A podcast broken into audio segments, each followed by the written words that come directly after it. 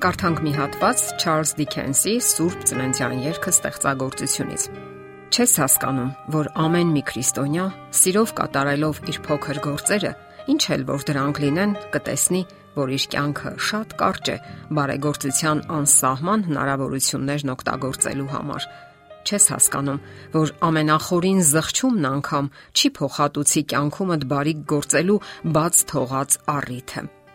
Չնայած այն բանին, որ քրիստոնյաները փորձում են իրենց ջանքերով գեղեցկացնել եւ ավելի տանելի դարձնել մեր աշխարհը, նրանց չեն սիրում։ Եվ ոչ միայն չեն սիրում, նրանցից բամբասում են, նրանց հալածում են, չարախոսում։ Դա ընդունված պրակտիկա է դարձել այն աշխարհում, որտեղ մենք ապրում ենք։ Նրանց հալածում էին արդեն այն ժամանակ, երբ քրիստոնեությունը դեռ նոր էր մուտք գործում, որովհետև հալածեցին նաև հիմնադիրին Հիսուս Քրիստոսին, իսկ նրա հետևորդներին սпасվում է նույն ճակատագիրը, որովհետև ծառան իր տիրոջից մեծ չէ։ Նրան, ով հավիտենական կյանքի կոչ էր բերել մեր աշխարհ, չխնայեցին, խաչը հանեցին, որովհետև այդպես է ընդունված մեր աշխարհում։ Այսօր դրան նպաստում են նաև ժամանակակից արվեստի հարցակումները գրականությունը, ֆիլմերը, փիլիսոփայությունը, դրանք ջատագովում են եսակենտրոնություն, բայց ոչ երբեք անznազող սեր։ Իսկ ահա Հիսուսի գաղափարախոսությունը մերժում է եսասիրական իդեալները։ Նա մեզ կոչ է անում սիրել, չնայելով ոչ մի բանի։ Իհարկե, միշտ չէ որ այդպիսի սերը ոսկյա մայրամուտն է կամ ջերմ մեղմասահ զեփյուրը։ Հնարավոր է դա ռոմանտիկ զգացումներ չառաջացնի։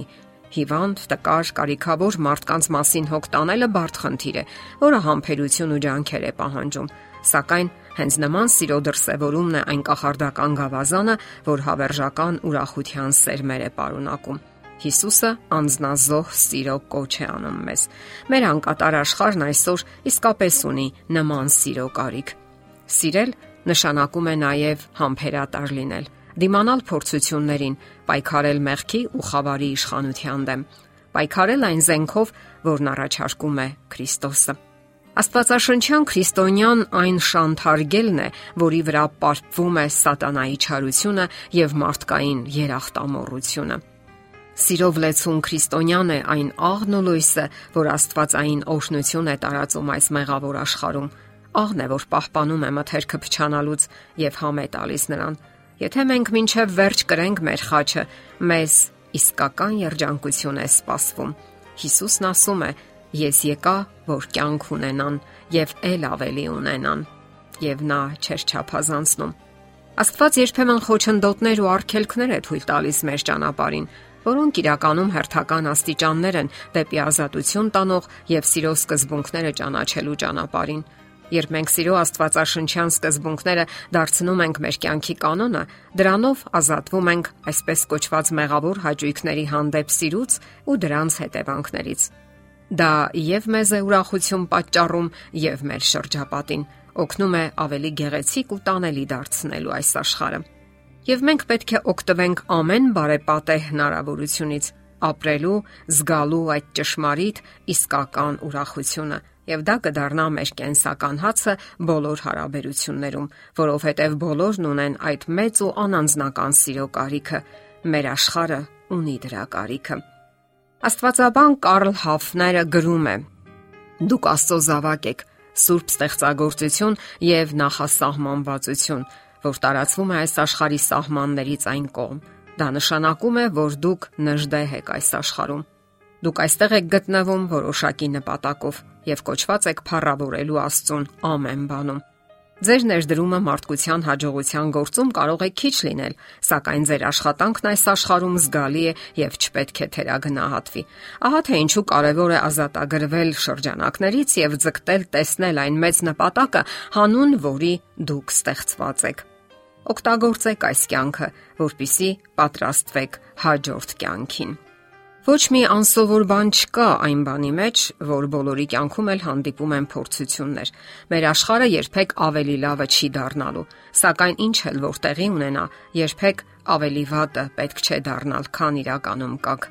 Գտեք առաջ շարժվելու նոր պատճառներ, ապրելու եւ ճպտալու ցանկություն գտեք ձեր մեջ։ Շփվեք մարդկանց հետ, մի վախեցեք նոր ծանոթություններից, գնահատեք նրանց, ովքեր սատարում են ձեզ ընթացեք առաջ եւ ոգեշնչվեք։ Թող ձեր աչքերում միշտ լույս լինի եւ երբեք չմարի, եւ թող կյանքը միշտ եռա ձեր մեջ։ Երբ մենք գնահատում ենք կյանքի յուրաքանչյուր հնարավորություն, երջանկություն ենք զգում։ Երբ արթնանում ենք առավոտյան եւ մեր արջև մի ամբողջ օր է, հսկայական մի ընթացք լի ուրախություններով ու հոգսերով։ Եվ հարկավոր է օգտագործել այդ հնարավորությունները Իհարկե, պատահում է, որ երբեմն հայտնվում ենք բարդ իրավիճակներում, երբ պարզապես չենք կարող հաղթահարել իրավիճակը։ Մենք թևաթափ ենք լինում, ոչինչ չի ստացվում եւ հուսահատության մեջ ենք։ Նման պահերին էլ հարկավոր է աղոթել։ Աստծո կամքն է, որ երբեք չհանձնվենք դժվարությունների առաջ, Կյանքում բոլոր հիմնախնդիրները ստուգում են մեր բնավորությունը եւ ավելի ուժեղ են դարձնում մեզ։ Ահա թե ինչու պետք է Աստծուց ոչ թե թեթև կյանք խնդրել, այլ որ ավելի ուժեղ դարձնի մեզ։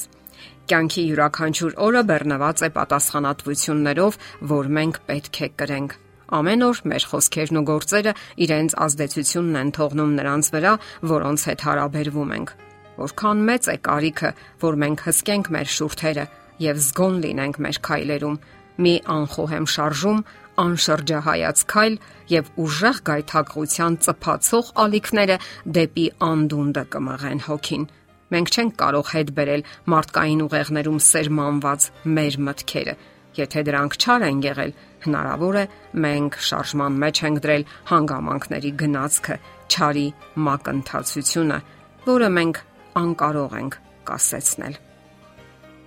Եթերում է ղողանջ հավերժության հաղորդաշարը։ Ձեզ հետ է Գեղեցիկ Մարտիրոսյանը։